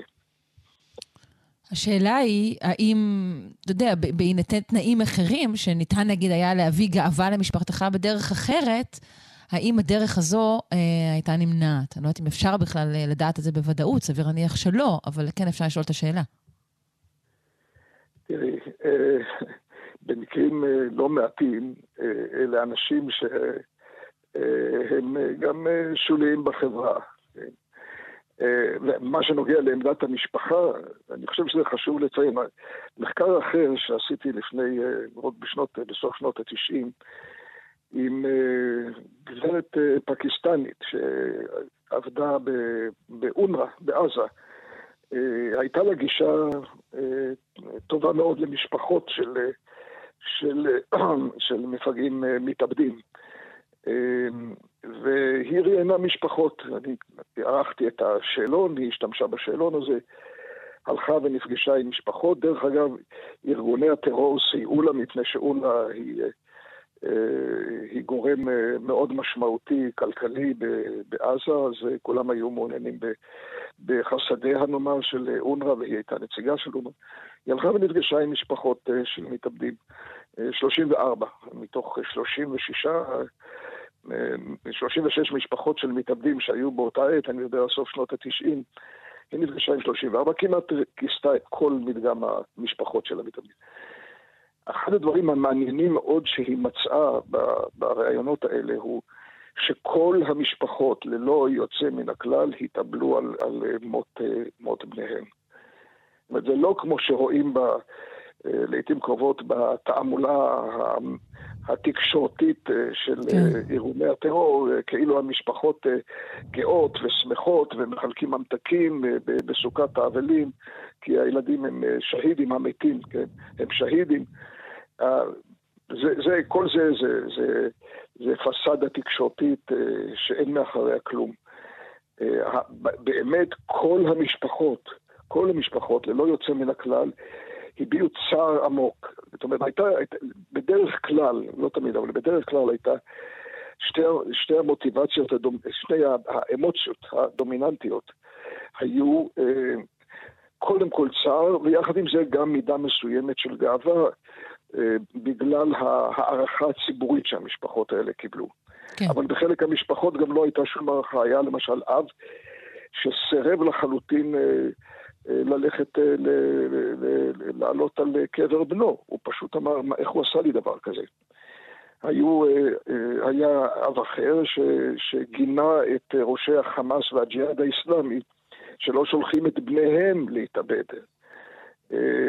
היו, הייתה, הייתה אימא שאמרה, הייתי, היה לה ביטוי מאוד ציורי, הייתי חותכת את, את החזה שלי ומוציאה את הלב ומכניסה אותו בפנים, את, ה, את הבן המת שלה, לפני שהוא מת. הייתי מכניסה אותו בפנים ותופרת שהוא לא ילך, שהוא לא יצא, שהוא יישאר אצלי בלב, שלא ילך לשום מקום. היו ביטויים מאוד דרמטיים. הצער היה האלמנט הדומיננטי. כל מי שאומר שלמשפחות אה, פלסטיניות לא אכפת מהבנים השהידים שלהם, אינו יודע מה הוא אומר. מה החלק של אה, דת ביצירה של טרוריסט. שוב, אנחנו יכולים להתייחס לא בהכרח רק אה, לטרור אה, פלסטיני או טרור מוסלמי. אני מדבר כרגע, הידע שלי הישיר הוא על טרור פלסטיני. לא ראיינתי, או ראיינתי, במענה מת כן, אבל מספר קטן כן. מאוד של טרוריסטים מארצות אחרות. אבל פלסטין יותר. הדת הוא מרכיב חשוב מאוד במוטיבציה. אה, למשל, כל, כל המתאבדים האלה, שבמחקר ש... שעשיתי עם אותה פקיסטנית, נסרה חסן, דרך אגב שמה, אה, כולם, ללא יוצא מן הכלל, שאלנו בין היתר, כן, מה, מה הייתה הספרות האהובה, או מי היו גיבורי הילדות שלה, שאלנו את ההורים, מי היו גיבורי הילדות של הבן שהתאבד. ללא יוצא מן הכלל, אלה, אלה היו אה, גיבורי אסלאם אה, קדומים. אה, בדרך כלל הסחאבה של, של מוחמד, החבורה, שחבריו של מוחמד שנלחמו איתו, שהקריבו את עצמם, היו כמה מקרים בולטים של כאלה ש, שפעלו נגד רצון הוריהם בשם הדת והקריבו את עצמם בנסיבות הירואיות. לרוב, כן, היה, היו גם כאלה מעטים יחסית שגיבורי האסלאם אה, שלהם היו יותר מודרניים, כמו עז א-דין אל-קסאם, כן, שעל כן. שמו נקרא עכשיו, אה, הזרוע, נקראת הזרוע הצבאית של החמאס. אה, אני מנסה להבין אם מעבר לנרטיב אסלאמי כזה או אחר, האם בעצם קיומה של דתיות, נגיד באמת באמונה אה, בעולם הבא, באמונה בכוחות שהם גדולים ממך, האם כאן יש איזשהו אה, אלמנט אה, בתוך נפשו של הטרוריסט? יש, אבל תראי, אה, הפלסטינים הם אה, אה, באופן כללי הם אה, מסורתיים, יש כאלה דתיים מאוד, יש כאלה אה, פחות יותר, הרוב הם מסורתיים, יש מעטים יחסית שהם חילונים. במחקר האחרון, אה, זה שעשיתי עם בועז גנור וקבוצה גדולה של אה, חוקרים אה, על מפגעים בודדים, אמ, אנחנו בדקנו את, את מידת הדתיות של, ה, של המפגעים. אז רובם היו מסורתיים, חלקם היו דתיים מאוד, מיעוטם היו חילוניים. אבל כולם ללא יוצא מן הכלל הכריזו שגם החילונים הכריזו שהם מאמינים בגן עדן. Mm, okay. יחד עם זאת, יחד עם זאת, אה, ההסבר הנפוץ במערב, כאילו הם הולכים למות אה, כדי אה, שיהיו להם 72, יזכו ב-72 גדולות בגן עדן, הוא, הוא לא נכון, הוא לא מדויק. אה, היה מכל אלה ש, ש, שבדקנו במחקר, רק אחד אמר שהוא, שהוא, שהוא רצה להגיע לגן עדן כדי להתחתן עם 72 בתולות. הוא אמר גם אחר כך בעצב, כן, שעכשיו אין לו אפילו אחת, כי הוא נשאר בחיים. Okay. אוקיי. אבל בדרך כלל זאת לא. גן עדן כמושג כללי, כן. אבל לא ספציפית הבתולות. דרך אגב, דרך אגב, באסלאם התאבדות היא אסורה. התאבדות, אינתיחר, היא, היא אסורה, ויותר מזה... אבל היא כן שמתאב... מתאפשרת תחת, אה, אה, תחת היותך אה, אה, שהיד במלחמה בעצם? זה, זה בעצם מחריג בדיוק. את ההתאבדות? אוקיי. נכון, נכון מאוד, בדיוק כך. התאבדות היא, היא אסורה, ודינה גיהינום אה, נצחי. אבל אה, פסקי הלכה רבים של אה, פתוות רבות של, של, אה, של מורי הלכה אסלאמיים אומרים ש, שאיסטישהד, כן, הקרבה עצמית, כולל, כולל התאבדות בקרב, במה שנתפס כקרב, לא רק שהיא מותרת, היא מזכה בגן עדן ודאי, כן, היה ביטוי של אחד מ... ממורי ההלכה האלה, שהשתמשו בו רבים ב, במנהיגים שגייסו, המפקדים שגייסו אה, אה, מתאבדים, היה שלפני שטיפת הדם הראשונה שלך אה, פוגעת באדמה, אתה כבר, נשמתך כבר בגן עדן. אז כן. אז כאן זה... בעצם אתה מוצא אולי את הקישור לכך שאמרת שכן מצאת אה, קווים אה, אה, אובדניים או דיכאוניים אצל הטרוריסטים שראיינת. נכון, כן. נכון, היו, היו כאלה, כן, אני יכול לתת דוגמאות, אבל ודאי זמננו קצר. אבל אה, כן, כן. היו, היו בוודאי, לא אצל כולם, אני מדגיש, היו כאלה שלא רצו למות, אבל היו מוכנים למות למען מטרה.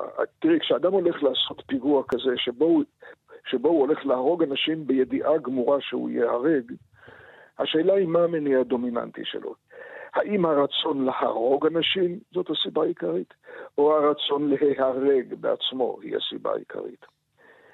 ואני אומר, אצל, אצל, אצל חלקם של האנשים, כ-50% מהמחקרים שלנו על הפלסטינים שהלכו לעשות פיגועים כאלה, המניע העיקרי היה רצון להיהרג, ובשביל זה הם היו מוכנים להרוג אנשים, אפשר לומר, או שהיו להם שני המניעים, רצו גם וגם. הוא רוצה למות וגם לא אכפת לו להרוג ישראלים. בחל, כן. בחלק אחר, אה, המניע הדומיננטי היה הרצון להרוג, לא להיהרג, אלא להרוג, ובשביל זה הוא היה מוכן למות. אה, ציינו בראשית שיחתנו זה שיש פערים מסוימים בין התפיסה שלך, אה, אה, או הטענה שלך שיש פרופיל פסיכולוגי לטרוריסט, לבין חוקר נוסף שנמצא בכתבה שלפנינו, שפורסמה אגב בגלובס, שהוא הפרופסור ג'ון הורגן, הוא פרופסור אמריקאי, והוא בעצם טוען שלשיטתו אין פרופיל מובחן אה, של טרוריסט. אה, ממה אה, נובע הפער הזה ביניכם? אני מכיר את ג'ון הורגן, אנחנו ידידים, אה, מכיר אותו הרבה שנים, אה, והוא אה, חוקר רציני. אה, הוא ראיין, אה, הוא, הוא אירי במוצאו, הוא עכשיו מלמד בג'ורג'יה, באוניברסיטת ג'ורג'יה. אז גם הוא אה, מבין דבר או שניים בטרור. כן, הוא ראיין, אמ, בעיקר אנשי IRA, לא רק, אבל בעיקר, הוא עירי, אמרתי, אז הוא עיריין mm-hmm. בעיקר אנשי IRA לשעבר. אה, והוא לא, הוא פסיכולוג אמנם, אבל הוא לא עשה מה שאנחנו עשינו בארץ. כלומר, הוא לא השתמש בראיונות קליניים, הוא פשוט שוחח איתם. היו כמה אנשים mm. מה... מה... אנשי IRA לשעבר שהסכימו לדבר איתו, הוא נפגש איתם בבתי קפה ובמקומות אחרים ושוחח איתם. והוא לא השתמש ברעיונות קליניים. במחקרים שאנחנו עשינו פה בארץ, המראיינים, חלק מהמראיינים, היו, השקענו בכל אחד המון שעות כן, של, של רעיון, בכל אחד מהנבדקים, המון שעות. לפחות עשר שעות של, של ראיונות ומבחנים פסיכולוגיים עם כל, עם כל נבדק. ג'ון הורגן שוחח איתם, והוא באמת בחור רציני, אבל לא היה לו הכלים שאנחנו הפעלנו כאן במחקרים בארץ.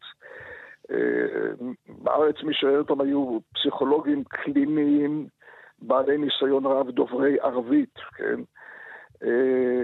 ואנשי אנשי, חוקרים מיומנים מהצד המודיעיני וכך הלאה.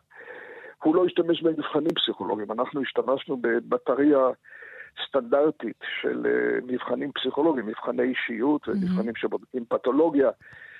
כך שלא היו לו הכלים שלנו. וייתכן שההבדל נובע גם, אתה אמרת שהוא ראיין אה, אה, טרוריסטים לשעבר, חברי מחתרת לשעבר, ציינת בתי כן. קפה. אני מניחה שאלו לא התנאים בהם אה, אתה ניהלת את הרעיונות שלך. אנחנו ניהלנו את המחקרים בארץ בבתי, בבתי הכלא, היה לנו אה, סיוע יוצא מן הכלל של שירות בתי הסוהר, אה, בלי הסיוע שלהם לא היינו יכולים לעשות את המחקר. אה, צריך לציין אותם באמת אה, לשבח, כי יעזרו לנו כמובן גם ארגונים אחרים, או השב"כ וכולי. המחקרים שעשינו בארץ, המחקר הראשון על המחבלים, המחקרים, הרי סדרת מחקרים ראשונה על מפגעים מתאבדים, מחבלים מתאבדים, נעשתה בעצם מטעם המל"ל, והשתתפו בה גם, גם אמ"ן, אה, גם שב"כ, אה, וכמובן סיוע אדיר של אה, שירות בתי הסוהר. המחקר השני, שזה שעשיתי עם פרופסור בועז גנור, נעשה בתמיכת המשרד לביטחון פנים.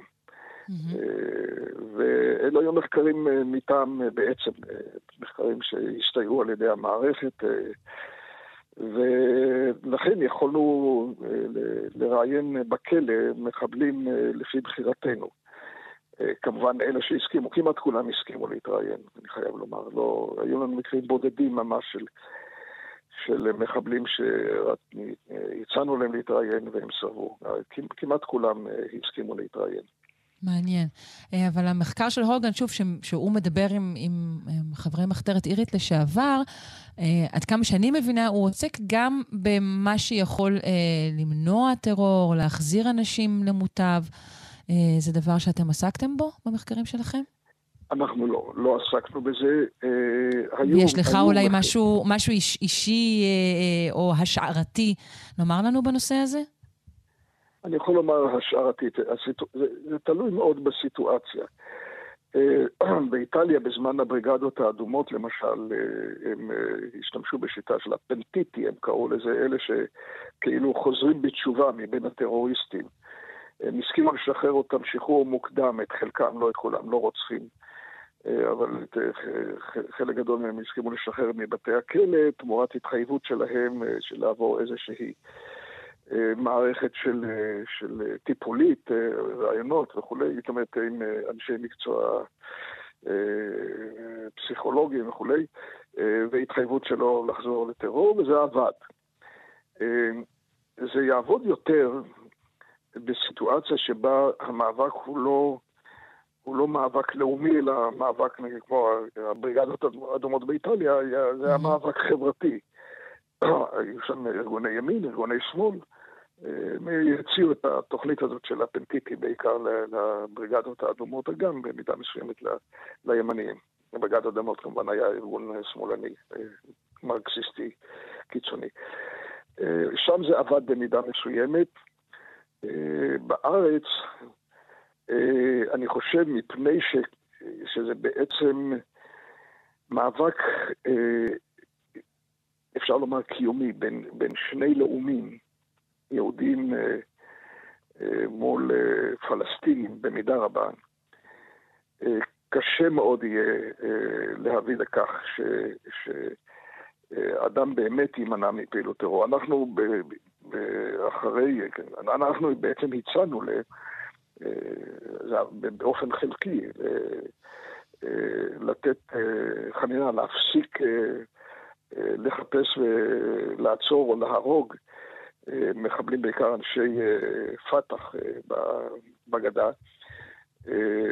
וזה אה, הצליח במידה מסוימת כל זמן שבאמת היה יחסים סבירים בין הרשות הפלסטינית לבין, לבין מדינת ישראל. אבל כאשר הלחץ הציבורי, האווירה הציבורית היא שוב מיליטנטית. רבים מאלה ששחררנו, אם לא כולם, או שוויתרנו על, על מעצרם, חוזרים לפעילות טרוריסטית.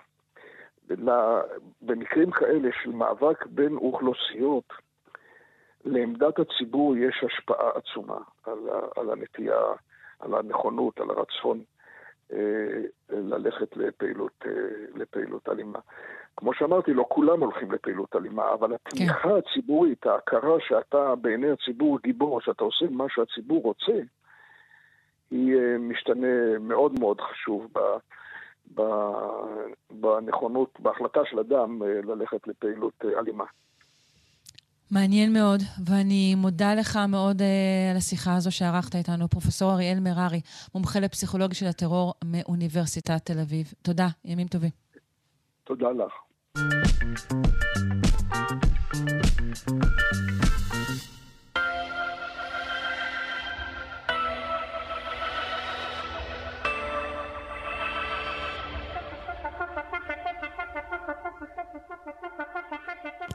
בני אדם נושאים בתוך ראשם אה, ייצוגים של כל מיני אה, חללים או מרחבים שהיו בהם. אה, חדרים, בתים, ספריות, דיזינגוף סנטר. מחקר חדש מראה שעכברים, בדומה לבני אדם, מסוגלים לדמיין מקומות שהיו בהם בעבר כדי לנווט. נפנה לדוקטור נואל בלדה ממרכז סגול למוח ותודעה באוניברסיטת רייכמן. שלום. שלום, שלום. אז איך אנחנו בעצם אה, עושים את זה? איך אנחנו פשוט מדמיינים את המקום? איפה במוח שלנו הסוג הזה של אה, דמיון אה, ניווטי נמצא? כן, אז אנחנו מדברים בעצם על סוג של זיכרון שנקרא זיכרון מרחבי, שזה באמת אה, לזכור איך, איך מגיעים מנקודה א' לנקודה ב' במרחב מסוים, למשל איך אני בתוך הדירה שלי הולכת מהחדר שינה למטבח, או איך אני הולכת מהבית שלי למכולת וכולי. אה, האזור הדומיננטי בתפקוד הזה זה אזור שנקרא היפוקמפוס, שהרבה אנשים מכירים אותו באמת כאזור שאחראי על יצירה של זיכרונות, אה, וההיפוקמפוס גם אחראי על יצירה של זיכרונות מרחביים וגם על התמצאות במרחב, זאת אומרת אנחנו מפעילים אותו כשאנחנו מנווטים, והוא מופעל בצורה דומה גם כשאנחנו חושבים על לנווט מנקודה א' לנקודה ב', ויש לנו מה שנקרא מין מפות מנטליות. כאן אנחנו מחזיקים בראש כמו מין אה, אטלס כזה של כל המקומות שאנחנו מכירים מבחינה מרחבית. ויש שם אה, נוירונים מיוחדים, אה, תאי מוח מיוחדים, שהם בעצם מקודדים, הפעילות החשמלית שלהם מקודדת את ה... או מחזיקה בתוכה את, ה, את המיפוי הזה של, ה, של העולם. וכעת אה, מבינים חוקרים אה, שגם לחולדות יש אה, כזו יכולת. אה, איך נעשה הניסוי? נכון, אז קודם כל אני אגיד שחולדות הן אה, מצוינות בניווט במרחב. אה, חולדות בדרך כלל אה, במשך היום חיות כמו מחילות, מנהרות וכולי, כמובן כדי להסתתר מטורפים, אז הן צריכות להיות מאוד מאוד טובות באמת בלנווט בתנאי שטח כאלה מורכבים, ודרך אגב אני אגיד לך מהניסיון שלי, כי אני בדוקטורט שלי עבדתי עם חולדות, הן מנווטות הרבה יותר טוב מבני אדם. זאת אומרת, תעשי תחרות ניווט חולדה בן אדם, החולדה תנצח. אמ, כן, כן. אמ, ובעצם מה שעשו בניסוי הזה זה להשתמש במין uh, מבוך וירטואלי. זאת אומרת, תכניסו את החולדה לסביבה כזאת של אה, מציאות מדומה, כזה 360 אה, מציאות מדומה, והיא בעצם עמדה על מין uh, כדור, והיא הייתה צריכה לנווט במבוך הווירטואלי דרך זה שהיא רצה על הכדור. אז אם נגיד היא רצתה לפנות ימינה, אז היא רצה לכיוון ימין, והכדור כזה קצת זז ימינה, רצתה לפנות שמאלה, הכדור זז שמאלה. החולדות היו צמאות תוך כדי הניסוי, והן היו צריכות להגיע למקום מסוים, שאם הם הצליחו להגיע אליו, הן היו מקבלות קצת מים לשתות. ותוך כדי זה שהן עושות את זה, החוקרים הקליטו בזמן אמת פעילות חשמלית מההיפוקמפוס שלהן. ואחרי זה מה שעשו, בעצם אה, הכניסו את החולדות שוב פעם לאותה סביבה של אה, מציאות וירטואלית, אבל הפעם בלי הכדור. זאת אומרת, החולדות עומדות ולא זזות. הן עדיין mm. צריכות להגיע למיקום המטרה כדי לקבל מים, אבל הן עושות את זה עכשיו פשוט מזה שהן חושבות. אז תוך כדי זה שהן... לכן היה צריך שזה יהיה מציאות וירטואלית, כי בהתחלה לא הבנתי למה לא ניתן היה לבצע את המחקר הזה בעצם על, על, על מבוך קיים. אבל כדי כן. לדעת שהן משחזרות את זה, זה צריך היה לא להיות קיים בעצם במציאות. בדיוק, היית צריכה למצוא איזושהי דרך לגרום להם לחשוב על המבוך בלי כן. לנווט בו בפועל. בלי לנווט בו באופן פיזי. וואו, מדהים, נכון. איזה רעיון טוב, אוקיי. נכון, ואז תוך כדי זה שהן עומדות ומדמיינות את המבוך, מקליטים שוב פעילות חשמלית, ורואים שבעצם ההיפוקמפוס שלהם מייצר דפוסי פעילות מאוד דומים למה שקרה כשהם בפועל ניווטו במבוך, וזה אומר שהן גם מחזיקות כאלה מפות מנטליות. עכשיו אני אגיד, מעבר ל... מעבר לעניין הקונקרטי של הנה, גם חולדות יכולות להחזיק בראש מפות מנטליות, זה מעבר לזה. אנחנו רואים שחולדות מסוגלות לסוג של חשיבה שהיא מה שהיינו קוראים לה בשפה שלנו חשיבה מופשטת, נכון? אה, לחשוב על מקום שהייתי בו, לחשוב על מקום שאני אה, מכירה, זה יכולות שפעם חשבנו שקיימים רק אצל בני אדם, כי אנחנו הכי חכמים, גאונים וכולי. אבל אנחנו לא יודעים אם זה, אם זה מופשטת. אולי זה באמת, אה, שוב, בגלל השתייה, המזון, הפרסים למיניהם, אז אולי זה מקודד משהו כזה, נכון? תמיד אנחנו יכולים לעשות איזושהי רדוקציה ולהגיד שזה פיזי פרופר. אז, אז במקרה הזה פחות, כי שוב פעם, את מסתכלת על פעילות של נוירונים מיוחדים, שהם אפילו נקראים תאי מקום, פלייסר, שאלה נוירונים שאנחנו יודעים מהמון מחקרים, שממש התפקיד הייעודי שלהם, בעין, זה להחזיק מפות מנטליות של העולם. זאת אומרת, החולדה. מסוגלת לייצר אצלה במוח איזשהו ייצוג מנטלי אה, למקומות שהייתה בהם בעבר ושהיא מכירה, כמובן, תמיד צריך להיזהר כשמפרשים את התוצאות, אבל במקרה הזה זה נראה שבאמת אה, מדובר על ייצוג מנטלי מרחבי של העולם, וזה מאוד מעניין, וגם גם כל, כל המתודה, כל השיטה שהם פיתחו היא מאוד חדשנית. כן, השיטה נהדרת. אני מנסה לחשוב על, על הציפורים על, על כלבים או חתולים ששבו הביתה מרחוק. אם זה נובע מאותו המנגנון? סביר להניח שכן. זאת אומרת, כל היכולת לנווט במרחב, שהוא בין אם זה בעלי חיים או בני אדם, זה באמת תלוי ככה בתפקוד של התאים האלה בהיפוקמפוס. אמ, וכאמור, אנחנו לא היחידים שיודעים לעשות את זה, אבל זה, זה מעניין באמת שככה לאט לאט מתחילים לפצח את המנגנון הספציפי. אה, כן. שעוזר לנו לעשות את זה, ואני רק רוצה להגיד שלמשל, בהקשר של בני אדם, אם חושבים על מחלה כמו אלצהיימר, שהיא מחלה שמאופיינת בפגיעה בהיפוקמפוס, אז אנחנו כולנו מכירים את הסיפורים על, על חולי אלצהיימר שפשוט יוצאים מהבית והולכים לאיבוד, ולא מצליחים לחזור, נכון? ואז מבקשים כן. את עזרת הציבור ולחפש אותם, אז זה בדיוק יושב על המקום הזה, שברגע שההיפוקמפוס נפגע, אז זה לא רק הזיכרון, וגם הזיכרון המרחבי, גם היכולת שלי לדעת איפה אני נמצאת בעולם הולכת ונפגעת. האם ידוע לך כמה זמן חלף אה, בין, אה, את יודעת, בין הניסוי שבו הם בעצם היו במציאות וירטואלית לבין זה שבעצם הדברים לא היו קיימים אה, עבורן? אני מנסה עכשיו, האם יש הבדל בייצוג המנטלי ככל שעובר הזמן? אה, אני חושבת שהניסוי הזה זה היה פערים של ימים ספורים, זאת אומרת, משהו כמו יום אחרי יום או משהו כזה. Mm-hmm. אז באמת מה שאת אומרת זה מעניין לראות, את יודעת, עד כמה הייצוגים האלה נשמרים, למרות שאני אגיד שוב, חולדות, יש להם גם זיכרון די טוב, צריך לזכור שחולדה חיה בסך הכל משהו כמו שנתיים או שלוש, אז בשבילה זיכרון לטווח רחוק, mm. זה לא כמו בני אדם שאצלי זיכרון כן, לטווח רחוק, זה יכול להיות... שבועיים זה... זה... כן, זה... שבועיים זה הרבה אוקיי. מאוד, כן. Mm-hmm.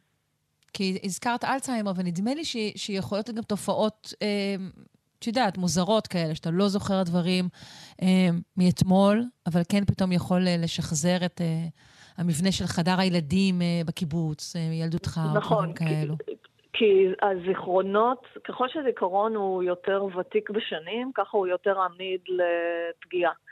כי mm. לאט לאט הוא גם מקודד על ידי אזורים שהם לא ההיפוקמפוס, ואז גם אם ההיפוקמפוס נפגע, הזיכרונות האלה נשמרים. זיכרונות חדשים הם הרבה יותר... אה, הרבה יותר פגיעים. פגיעים. ו... כן, ויש מחקרים שמראים שבשביל שזיכרון באמת יהפוך לזיכרון ארוך טווח אה, ככה עמוק, זה יכול גם להיות תהליך של כמה שנים. מעניין מאוד. אני מודה לך, דוקטור כן. נואל בלדה, ממרכז סגול המוח ותודעה באוניברסיטת רייכמן. בשמחה, ביי.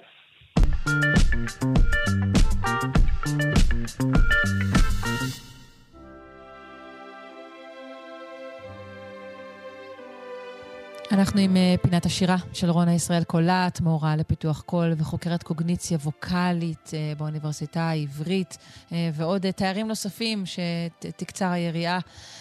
אנחנו רוצים לדבר על, על שירים שנכתבו כדי להעניק תקווה ולמעשה להתרכז בשיר אחד, נכון, רונה? לפינה הזו נקדיש, את הפינה נקדיש לשיר ספציפי באמת, לשיר שהוא כבר אייקון של תקווה. והוא כמובן uh, השיר מעבר לקשת בענן, Some Over the Rainbow, כמו שהוא ידוע, Somewhere Over the Rainbow, ויש מאחוריו סיפור מעניין אפילו uh, עם הקשר ציוני, ננסה לקשור באמת כמה קצוות, uh, חלקם הזויים, uh, מה הקשר בין צ'רניחובסקי לשלגיה, אבל באמת מי שלא מכיר את השיר הזה, יש, יש קשר, אם את רוצה, יש קשר בין כל דבר, אבל uh, אם, אם נולדת בחצי הכדור המערבי, את ודאי מכירה את השיר הזה. אה, כי הוא זכה לאין ספור ביצועים, למרות שהוא כבר יחסית זקן, הוא נולד ב-1939, ומתלכדים בו גם המנגינה המרוממת, גם הטקסט, וכמובן הביצוע הבלתי נשכח של המבצעת הראשונה שלו, ג'ודי גרלנד, כן. והוא כמובן, אה, זה המתכון לאייקון תרבות של תקווה, שאפשר גם להשתמש בו. זאת אומרת, אפשר להשתמש בו כסימבול לתקווה מעבר לשיר עצמו, מעבר לביצוע עצמו. וכמובן הוא נכתב... זאת אומרת שיש, ב... שיש מהלך שהוא הופך אה, אה, אה, שיר כזה אה, לשיר נושא תקווה, שהוא אה, כרוך גם בטקסט וגם במהלך אה, אה, מלודי מסוים. כן, אה, ניגע באמת במרכיבים האלה שהפכו אותו לשיר הבלתי נשכח שהוא, לאייקון שהוא. יש כמה וכמה רבדים שהפכו אותו לכל כך מוצלח, ומי ש... חשוב כמובן להזכיר את אה, מי שכתב אותו, הרולד ארלן המלחין וויפ הרבורג כותב המילים, נתייחס אליהם לרקע שלהם. והבמאי, אה, למה הוא נולד? הוא נכתב עבור הסרט הקוסם מארץ עוץ מ-1939, והבמאי ארתור פריד, הוא רצה בלדה שתתחרה בלהיט הגדול של סרט הילדים של דיסני מ-1937, יום אחד הנסיך שלי יגיע. גם שיר של תקווה, מתוך uh, שלגיה ושבעת הגמדים. אז בואי נתחיל איתו ונשמע אותו. One day my prince will come. side.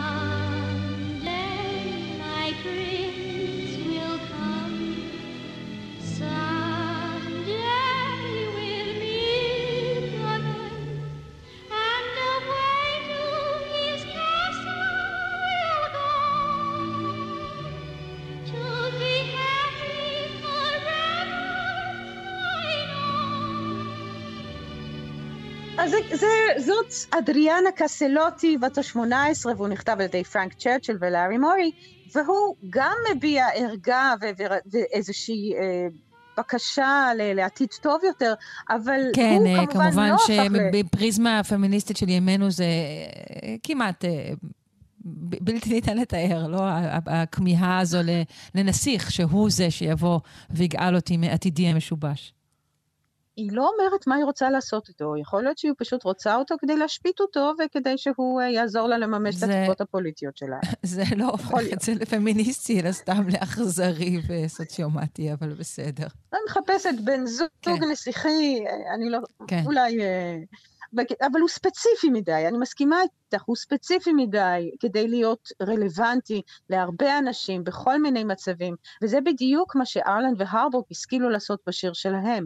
הם השכילו mm-hmm. לייצר שיר שהוא תקווה, שהוא גם נכון לסצנה הספציפית בספר, בסרט, אבל בעיקר רלוונטי להרבה מאוד אנשים, יש בו משהו שהוא אה, אה, הולך מעבר לסצנה הספציפית. אבל לפני שנגיע לשיר הזה, אה, יש אנקדוטה מעניינת לגבי השיר משלגיה, בגלל ההרמוניות הקצת אה, פחות קונבנציונליות שלו, הפך לסטנדרט ג'אז ידוע, ואחד הביצועים נכון. הראשונים שלו ככזה, התקיים ב-1943 בגטו טרזינשטט, על ידי אנסמבל הג'אז שנקרא Ghetto Swingers. אז זהו... אז גם להם, לא, זה, זה שיר יפהפה, הביקורת שהשמעתי הייתה כמובן אה, בלצון. אני חושבת שאנשים צריכים, מסוגלים, מסוגלים לעשות את המעבר הסימבולי, ו-someday my prince will come, זה יכול להיות כל סוג של כל דבר. נכון, אבל גם הרבה הומור. זאת אומרת, אני חושבת שעצם העובדה שאנסמבל הג'אז הזה, Get to Swing, אז בחר ב-One Day My Prince Will Come, גם נתן להם את ה... את ה איזו פינה של הומור שכל כך חשובה עם, לתקווה. אה, אבל באמת השיר שאנחנו מדברים עליו, שיר המופת, הוא, הוא מופיע בעשר הדקות הראשונות של הסרט, אחרי שדורותי הילדה חווה אפיזודה לא נעימה עם, עם הכלב שלה, אבל מה יש בו מעבר לזה שה, שהכלב הותקף? זה ההבנה ששיר תקווה הוא לא בהכרח שיר שמח, זאת אומרת אין ספק שמי ששר אותו נמצא במצב או בתנאים פיזיים שלא מאפשרים לו לשיר בעצימות ואנרגיה גבוהים, אלא משקף את המצב הפיזי של אדם שנמצא במצב הזקוק לתקווה, אנרגיה אולי נמוכה יחסית, אבל כזו שעשויה להתעורר ומחפשת לצאת מהמצב, כמו איזו מדורה שכמעט כפתה, אבל צריכה, את יודעת, צריכה עידוד כדי לחזור לפעילות. כן, אם, אם, אם מחפשת מקום, ה... באמת זה מקום שיהיה טוב יותר מהמקום שבו היא נמצאת כרגע. אה, אני לא יודעת נכון, אם זה נכון, נכון בוא. פסיכולוגית, אבל זה מה שהשיר הזה אומר. כנראה שכן, זה כנראה, כנראה עובד. אבל בואי נשמע את ה... תכף ניגע לפן הקוגניטיבי, אבל בואי באמת נשמע את השיר בביצוע של ג'ודי גרלנד.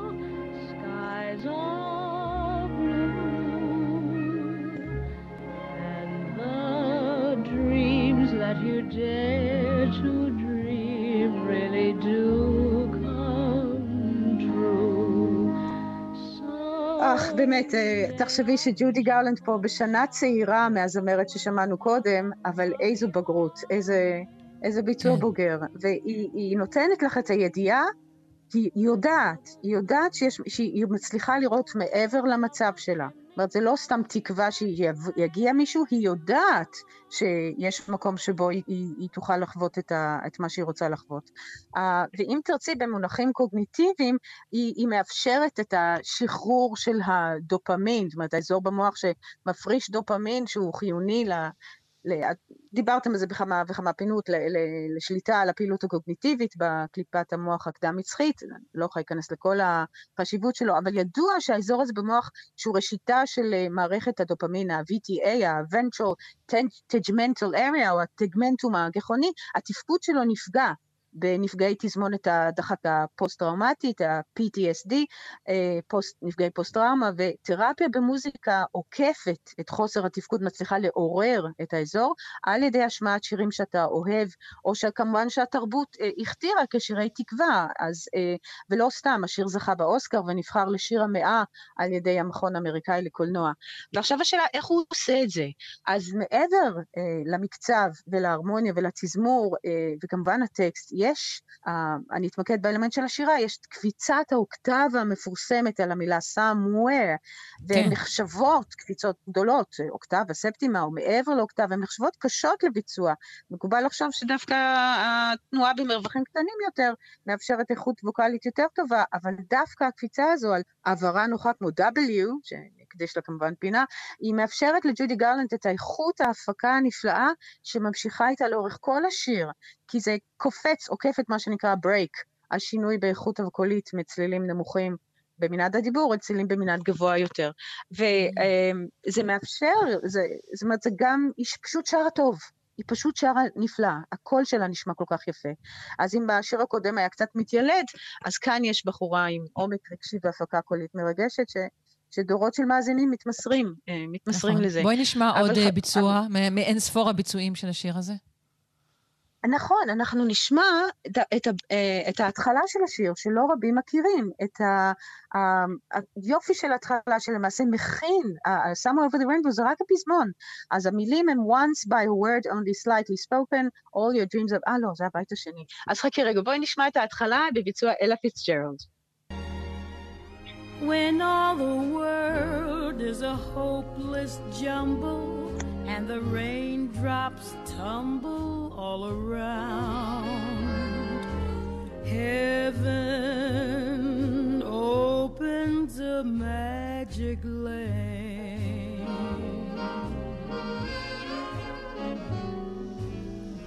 אז אני מניחה שאין לנו זמן לשמוע את כל זה, כי יש לנו עוד שני... לצערי הגדול לא, אבל זה בדיוק מה שאני כן. אעשה עם סיום התוכנית, זה כבר די ברור לי. זו ההתחלה של השיר, זה למעשה ההתחלה שמובילה אל הפזמון, וזה כל כך מרגש לשמוע איך זה מוביל אל ה...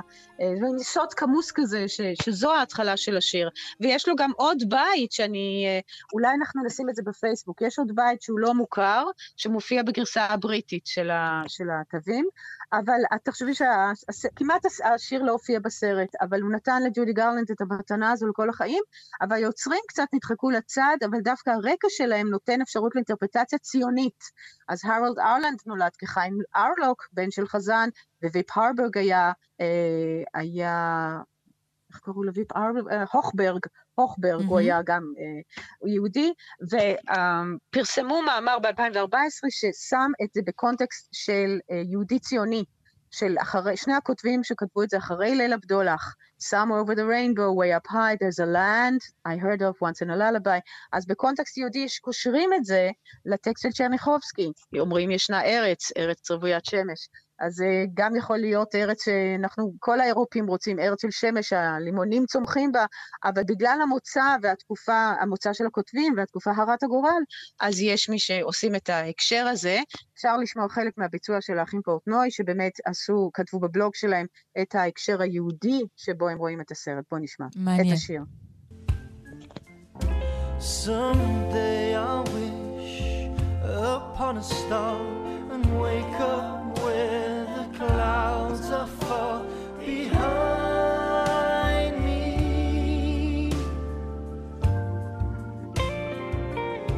זה ליום הולדת 70 של ישראל, הביצוע הזה? נכון, נכון, כן. נכון. והם באמת עשו שם את ה... את ה... את, ה, את ההקשר של השיר הזה ל, לאיזשהו פן ציוני. כן. אבל אנחנו אוקיי, נסיים בואי ניפרד עם... ועם מה? כן. עם הביצוע שעכשיו ב-2014 הפך להיות מאוד מזוהה עם הזמר מהוואי, שנקרא ישראל, ישראל או איזי, והוא עשה את הביצוע האולטימטיבי שהחזיר את השיר לתודעה, ובאמת מי שראה את התמונה שלו הוא הבן אדם שקל 300 קילו, אבל הרבה הרבה תקווה, גם השיר נתן לו ולכל מי ששמע אותו. תודה רבה, רונה ישראל קולט. ניפגש מעבר לקשת. אמן.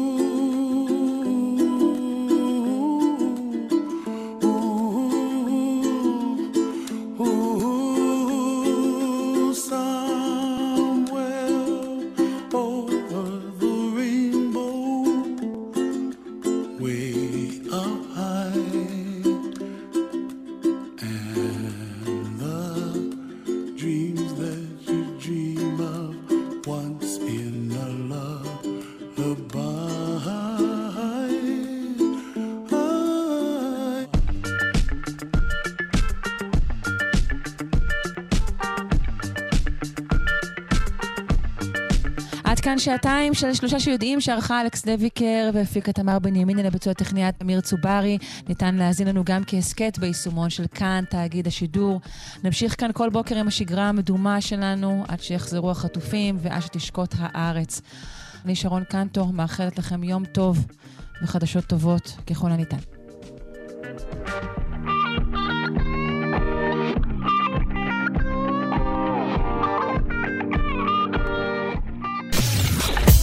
אתן מאזינות ואתם מאזינים לכאן הסכתים.